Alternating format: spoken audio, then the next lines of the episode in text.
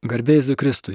Mėly Marijos radio klausytojai, jūs girdite laidą Katechezė, tęsime paskaitų ciklą Dvasinės ekologijos bibliniai ir teologiniai pagrindai, kurį vedu aš, VDU Katalikų teologijos fakulteto dėstytojas Artūras Lukaševičius.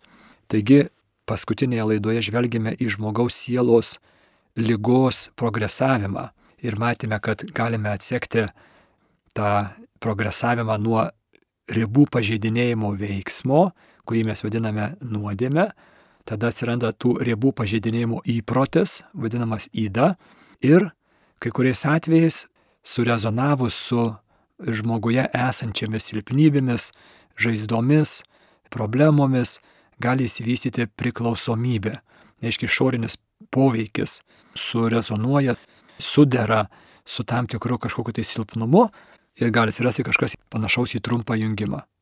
Šioje laidoje žvelgsime į priklausomybės, kurios yra labai sudėtingas reiškinys, apima ir žmogaus fizinį kūną, ir jo psichiką.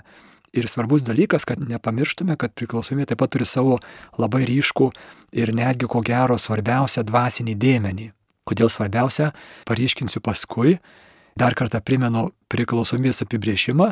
Tai yra sveikatos sutrikimas pasireiškintis lyguistų polinkių kartoti tą patį veiksmą ar vartoti tą pačią medžiagą, nepaisant akivaizdžių neigiamų padarinių. Iškia žmogus vartoja, mes dažniausiai žinom, cheminės alkoholizmo priklausomybę, narkomaniją, ar elgesio lošimas būtų tokia akivaizdi, tuoj peržvelgsiu didesnį skaičių priklausomybių. Reiškia, ir žmogus tikisi iš to veiksmo gauti kažką tai akivaizdžiai klaidingai, bet jam atrodo, kad jisai gaustai. Reiškia, kažkokį tai vidinį nurimimą, prasmės jausmą, problemų įsprendimą ir atrodo jam, kad jeigu jis negaus, tai jis gali mirti ar išprotėti, jeigu negaus dozės chemijos ar priklausomo elgesio. Ir to jau reikia ne pasitenkinimui, bet tiesiog išgyvenimui.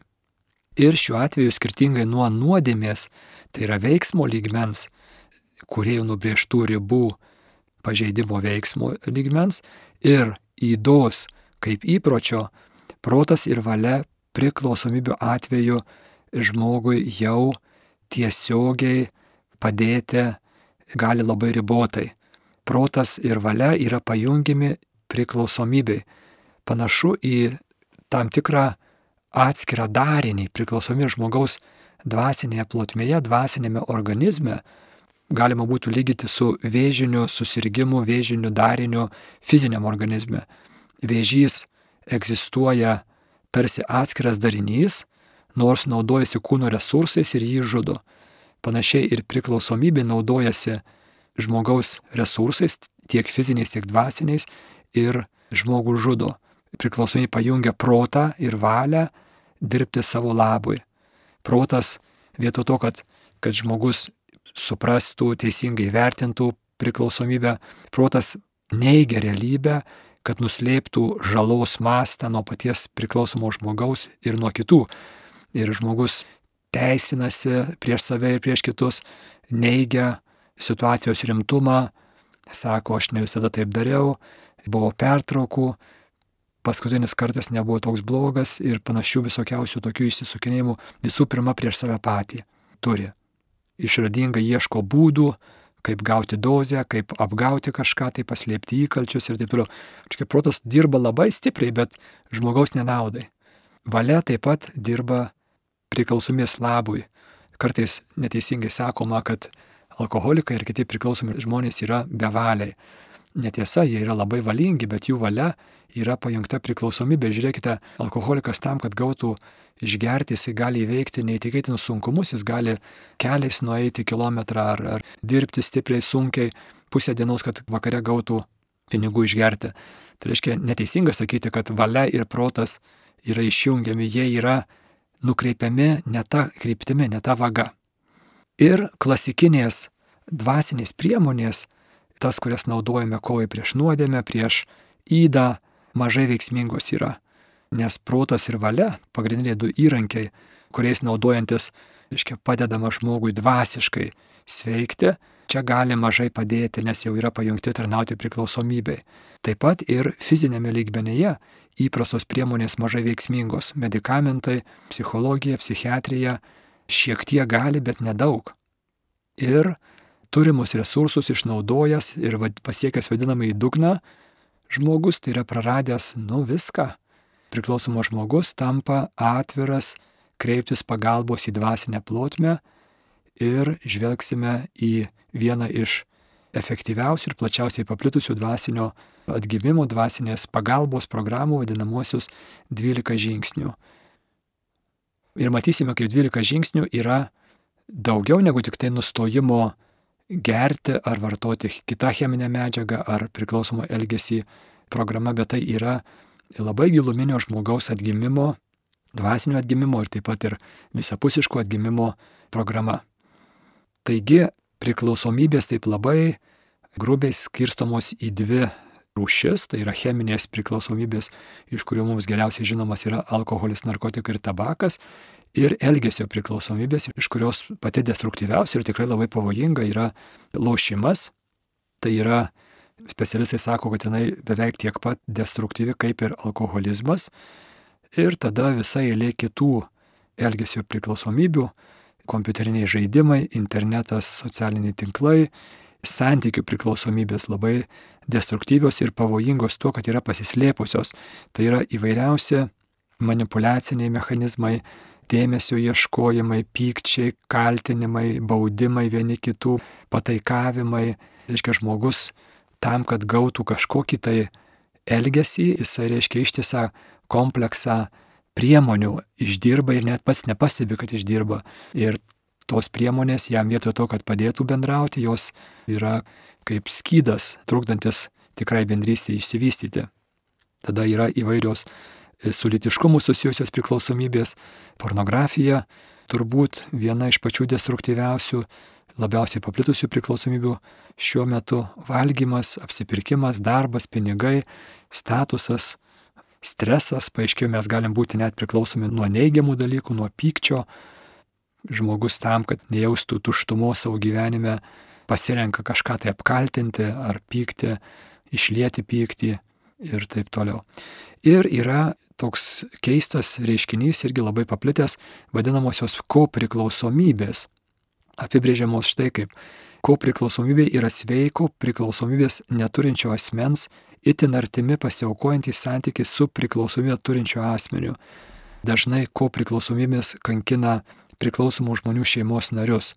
Nesunkiai galim įsivaizduoti, jeigu vyras alkoholikas, tai žmona dažnai tampa, reiškia, per daug pasiaukojančiai įsitraukusi, bandanti jam padėti, kad tik tai sukontroliuoti jį, kad jisai negertų, kad mestų gerti, ir tai toliau. Ir problema yra ta, kad tokiu būdu jinai susirga ir jos gyvenime reiškiasi labai panašios dinamikos blogos, kaip ir to paties sergančiojo žmogaus gyvenime. Iškiek priklausomybė pasirodo yra dvasinių kelių užkrečiama ir šeimos nariai, tiek sutoktiniai, tiek vaikai patiria didelių visų pirma dvasinių ir psichologinių, taip pat ir fizinių problemų. Specialistai įskiria tokius penkis tikros priklausomybės požymius. Juos trumpai pakomentuosiu, kad geriau susigaudytume, kas yra ta priklausomybė. Pirmas požymis yra tolerancija, tai yra poreikis vartoti vis daugiau medžiagos ar priklausomo elgesio tam, kad gaučiau pasitenkinimo ar ramybės dozę. Tai tie, kurie serga alkoholizmu, Sako, reiškia, jau neužtenka tenais 100 gramų, reikia 200 gramų, paskui dar daugiau ir taip toliau. Reiškia, tai yra auga tolerancija tai medžiagai ir efektui pasiekti reikia jos vis daugiau. Tada antroji savybė yra abstinencinis sindromas arba abstinencija. Tai yra negavus tos medžiagos arba priklausomo elgesio, kyla stresas, sutrinka organizmo funkcionavimas, gali atsirasti kūno drebėjimas, nervingumas, darbingumo sutrikimai ir panašiai. Reiškia, tam tikri sutrikimai, jeigu žmogus negauna to priklausomo elgesio arba tos medžiagos, kuris sukelia jam tą pasitenkinimo, nurimimo efektą. Tai saviapgaulė, čia jau trumpai aptariau, tai yra proto tam tikras sutrikimas, protas apgaudinėja save ir skatina tęsti priklausomą elgesį bet kurią kainą. Gali, pavyzdžiui, mama norėdama rūkyti arba norėdama gerti ir turėdama mažametį ką tik gimusį kūdikį, gali įtikinti save, kad jo maitinti krūtimi nereikia, kad pavyzdžiui ten tie, reiškia, visokie maisteliai kūdikio yra pakankamai geri tam, kad galėtų nutraukti maitinimą ir galėtų vartoti, pavyzdžiui, alkoholį. Tai protas, reiškia, taip dirba stipriai, kad jinai gali net nejaustama sažiningai manyti, jog, jog tikrai reikia nutraukti, kūdikiai bus geriau su, su maisto tais visais mišinukais. Ir iš tikrųjų jinai nori, nori gerti. Bet, pavyzdžiui, jeigu jaučiasi kalta, kad prieš kūdikį, kad dabar per pieną jisai gaus alkoholio, tai jinai įtikins save, kad, kad reikia nutraukti. Valia, vėlgi, kaip sakiau, suskyla, dalis valios nori išgyti, bet didesnė dalis siekia tęsti vartojimą bet kurią kainą. Ir dėmesio sutrikimai gyvenimui.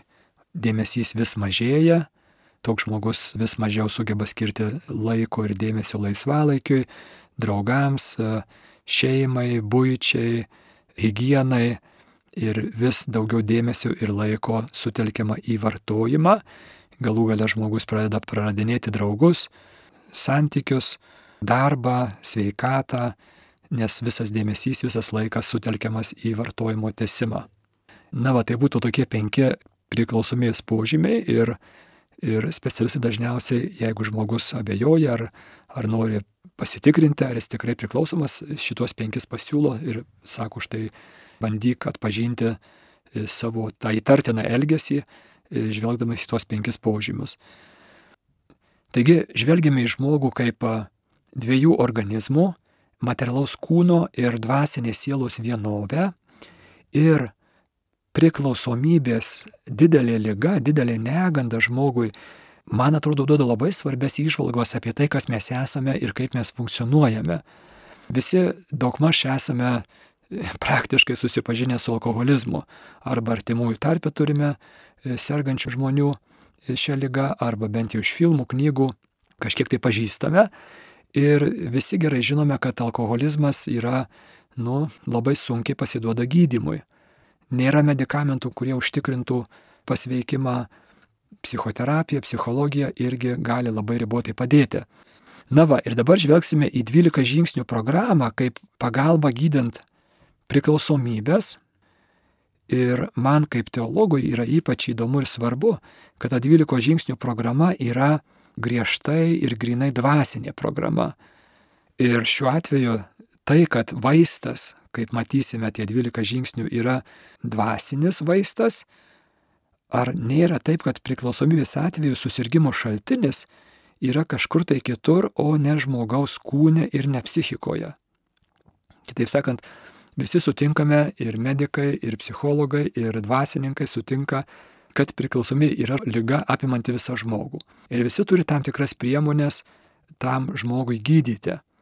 Ir paaiškėja, kad efektyviausias būdas iš šiandien mums žinomų yra tas, kuris suderina visas tris, bet akcentas pagrindinis yra į dvasinę plotmę, tai yra 12 žingsnių kaip dvasinio išgyjimo programa.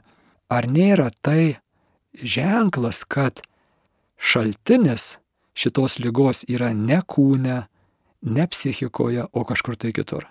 Nes gydant kūną ir psichiką tas susirgymo šaltinis nepašalinamas, žmogus neišgyja, jeigu mes sutelkėme dėmesį į kūną, į psichiką, psichologai, terapeutai, psichoterapeutai dirba ir žmogus alkoholikas, tarkim, nu, rezultatai nėra džiuginantis, gali padėti, bet dažniausiai ne.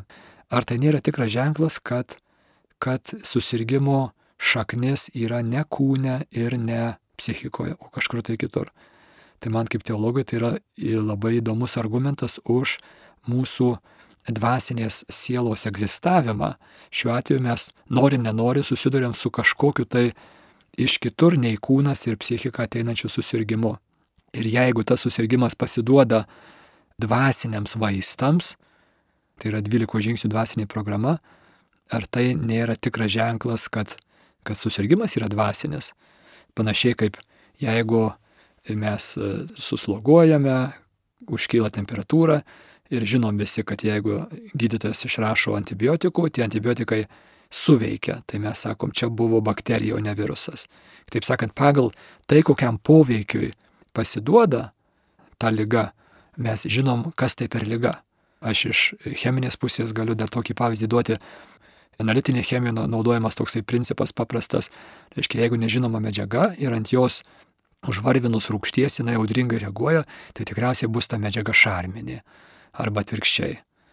Tai reiškia, mes pagal tai, kokiam poveikiui pasiduoda, galime sužinoti kažką apie tą objektą, kurį bandome ištirti. Tai šiuo atveju, kadangi objektas labai sudėtingas, yra priklausomybė ir jinai pasiduoda dvasiniams vaistams, ar tai nėra ženklas, kad ir susirgymo šaknis yra dvasinėje plotmėje. Trumpai apžvelgsiu 12 žingsnių atsiradimo istoriją. Atsiranda prieš nepilną šimtą metų, 90 metų, tai yra 1935 metais, antro pasaulinio karo išvakarės, tarpukaris, alkoholizmas laikomas tradiciškai, kaip ir visais laikais, iki tol valios toka ir moralumo stoka. Reiškia, jeigu žmogus yra gerintis, tai jis yra nevalingas ir nemoralus, tai buvo laikoma. Ir Junktinėse valstijose vienas sunkiai alkoholizmu sergantis verslininkas, dabar žinom jo pavardę, tai yra Viljamas Wilsonas, anoniminių alkoholikų literatūroje gerai žinomas kaip Bilas W, ieškojo blaivybės ir jam blogai sekasi.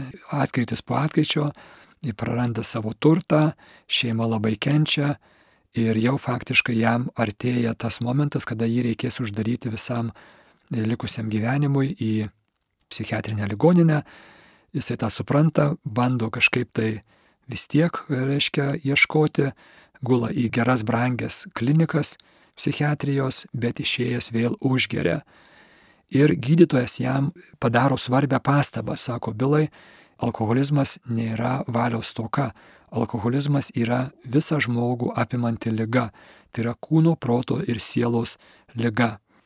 Taip pat Bilas bando tikėjimą pasitelkti, jis lanko e, maldos grupę, tuo metu Junktinėse valstijose buvo populiarus toksai Oksfordo judėjimas, kur e, žmonės rinkdavosi į mažas grupelės, skaitydavo šventą raštą, melsdavosi, tokia labai šauni dvasinė praktika bet Bilutas irgi nepadėjo, jisai atkrisdavo ir atkrisdavo. Ir kai tas gydytojas jam padaro šitą išvalgą, kad čia yra nemoralumo ir nevalios toka, jam tai kažkaip tai duoda naują žvilgsnį ir tuo metu jisai susitinka su savo senu išgertuvių draugu, jo vardas Ebis, ir tas Ebis jį nustebina atsisakydamas išgerti. Ir Ebis jam papasakoja apie savo blaivybę ir atsivertimą, kurią jisai patyrė krikščioniškoje grupėje, tuomet tame pačiame Oksfordo judėjime, kuris buvo paplitęs po daugelį miestų Junktinėse valstijose. Ir tai padaro didžiulį įspūdį Bilui.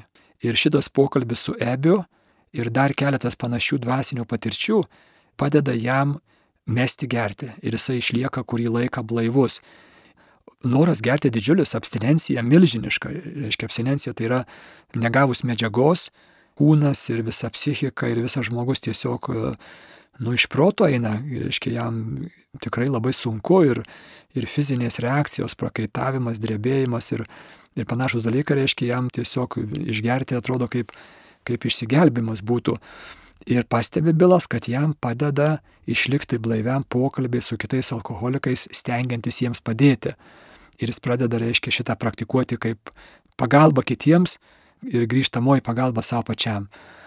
Ir štai vienos kelionės metu, nesėkmingos verslo kelionės metu, svetimo mieste, reiškia, verslas nepavyko, vakaras, liūdna ir jisai jaučia, kad jisai tuoj išgers. Reiškia, visur pilna restoranų kavinių, jisai pinigų turi ir, reiškia, jam visas polinkis gerti labai stipriai sugrįžta.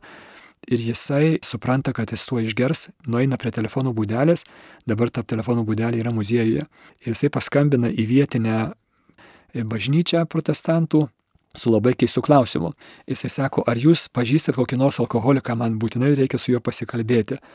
Tai pasirodo, kitam laido gale žmogus suprato klausimą gerai ir sako, taip mes čia turim tokį gydytoją, tuo aš jūs, reiškia, sujungsiu su juo. Ir Bilas paskambina vietiniam chirurgui Akrono mieste, Ohajo valstijoje.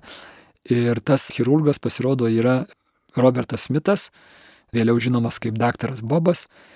Ir Bilas sako, aš norėčiau su jumis pasikalbėti, aš taip pat esu alkoholikas ir aš norėčiau su jumis pasikalbėti. Tai daktaras Bobas e, visai nepatenkintas, kad čia jam kažkas tai skambina, reiškia, jisai sutinka, sako, aš esu labai užsiemęs ir sutinku su jumis skirti jums 15 minučių.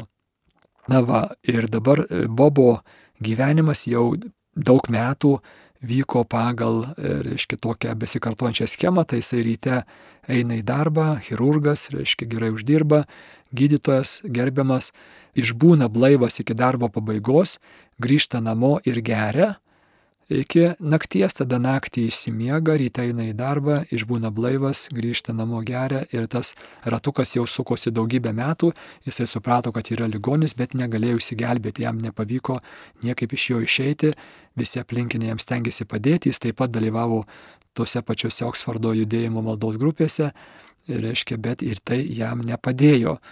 Ir štai daktaras Bobas sutinka skirti Bilui 15 minučių, jų pokalbis iš tikrųjų trunka keletą valandų ir padaro didžiulį įspūdį ir įtaką chirurgui Bilas savo, savo istoriją, savo patirtimis pasidalindamas. Ir tai buvo blaivybės pradžia. Dar buvo vienas užgerimas Bobui, bet iš esmės va šitas pokalbis buvo raktinis atspirties taškas į jo blaivybę. Ir va tas jų pokalbis, reiškia, laikomas anoniminių alkoholikų gimimo pradžia. Tai yra pokalbiai pagal tam tikrą vėliau, reiškia, atsiradusią struktūrą, kurią mes žinome kaip 12 žingsnių. Dabar trupučiuką žvilgtukime į tuometinę mediciną ir psichologiją, kur abu šitie žmonės buvo turtingi, vienas verslininkas, kitas chirurgas, ir jie naudojosi visomis to meto esamomis priemonėmis savo lygai spręsti. Jie, jie jau suprato, kad yra tikrai blogai. Bilas labai nenorėjo būti uždarytas į psichiatrinę ligoninę visam likusiam gyvenimui. Ir vis dėlto, reiškia, tos medicininės priemonės ir psichologinės priemonės, psichologija kaip mokslas tuo metu jau buvo gimęs, jau Karlas Jungas tuo metu kaip tik praktikavo, Freudas jo jau gyvenimo pabaiga buvo, bet dar buvo gyvas irgi, dirbo dar tuo metu. Ir abu šitie vyrai naudojosi tomis priemonėmis, bet jos nepadėjo.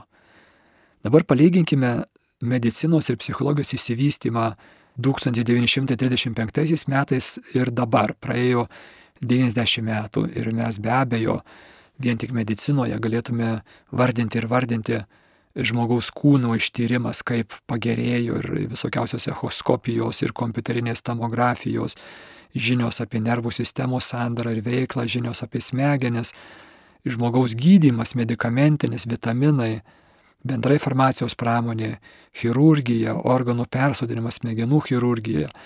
Tų pasiekimų nu, yra sąrašas be, beveik begalinis. Genetika kaip mokslas atsiranda, išsivysto, žmogaus genomas iššifruojamas 2003 metais. Tai medicinos vystimasis, nu tiesiog kosminis, galima būtų sakyti. Žmogaus psichikos ištyrimas ir gydimas irgi auga labai stipriai. Kaip sakiau, psichologija jau buvo, jau dirbo ir Freudas, ir, ir Jungas tuo metu, bet nuo to laiko atsirado kiek daug e, psichologijos mokyklų, psichoterapija, psichiatrija, metodai, medikamentinis gydimas, dirbančių specialistų skaičius. Reiškia, tas augimas yra didžiulis, lyginant 35 metus ir, sakykime, 1024 metus. Pavyzdžiui, šiuo metu yra smulkiai ištirta ir gerai žinoma, kas vyksta žmoguje besivystant priklausomybei, tarkime, nuo alkoholio kokie fiziologiniai procesai kūne kinta, kai nesakingai vartojamas alkoholis, kokie pokyčiai nervų sistemoje, ypač galvos smegenys, yra gerai žinoma. Gerai žinoma, kaip alkoholizmas okupuoja smegenis ir kas darosi smegenyse ir visoje nervų sistemoje.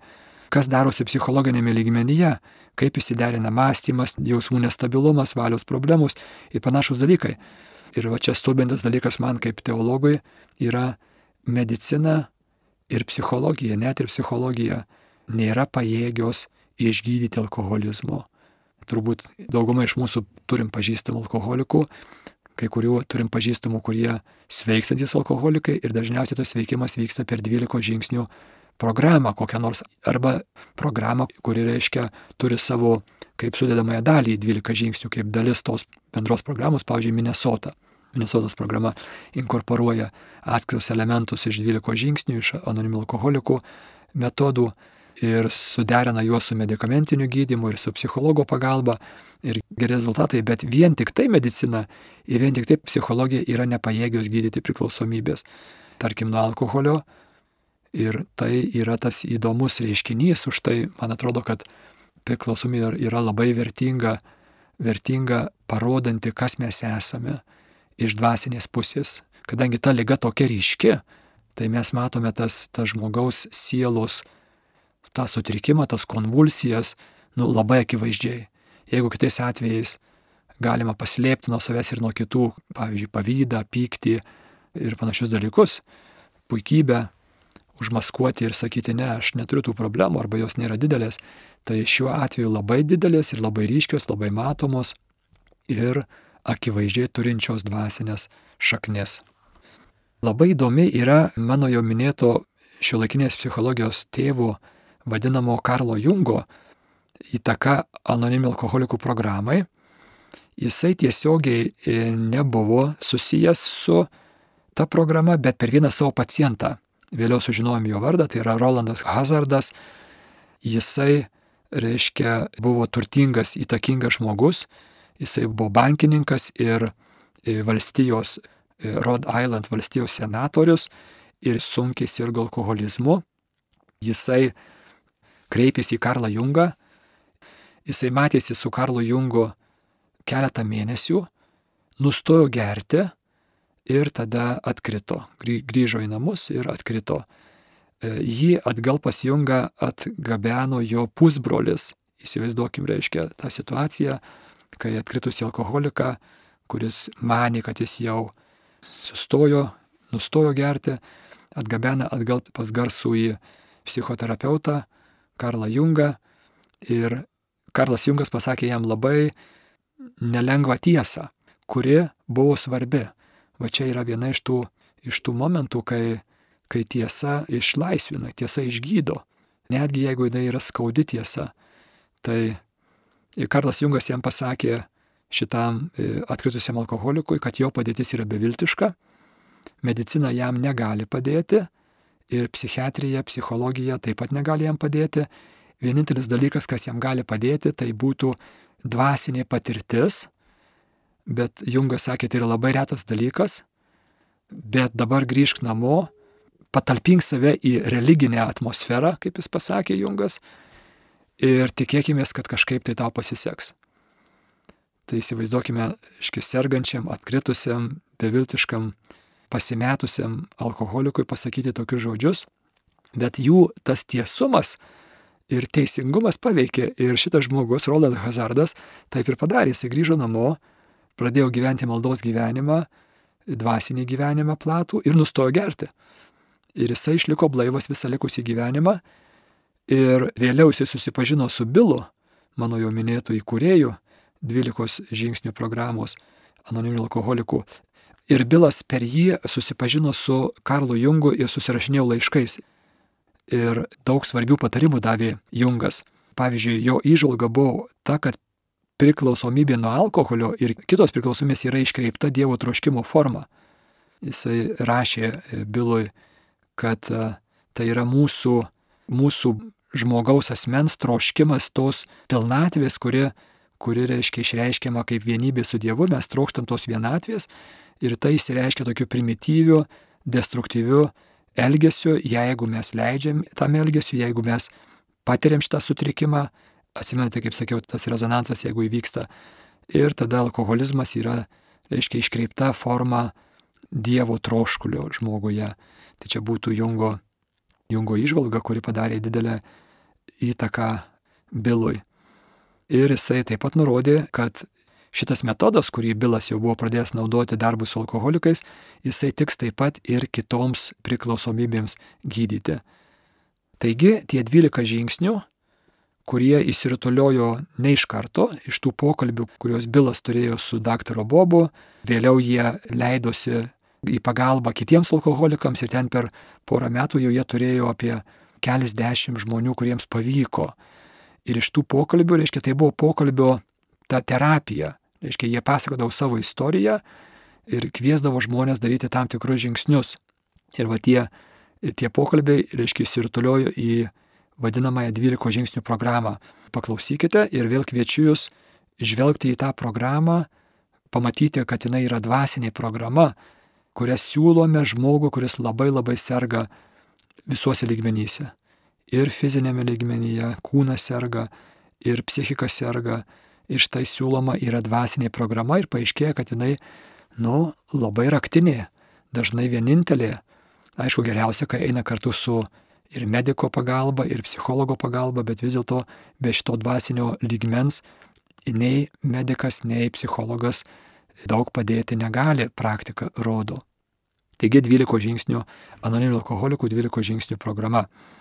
Pirmas, prisipažinome, kad esame bejėgiai prieš alkoholį ir kad mūsų gyvenimas tapo nevaldomas. Antras, įsitikinome, kad tik galingesnė už mus pačius jėga gali gražinti mums sveiką mąstymą. Trečias, nusprendėme patikėti savo valią ir gyvenimą Dievo, kaip mes jį suprantame globai.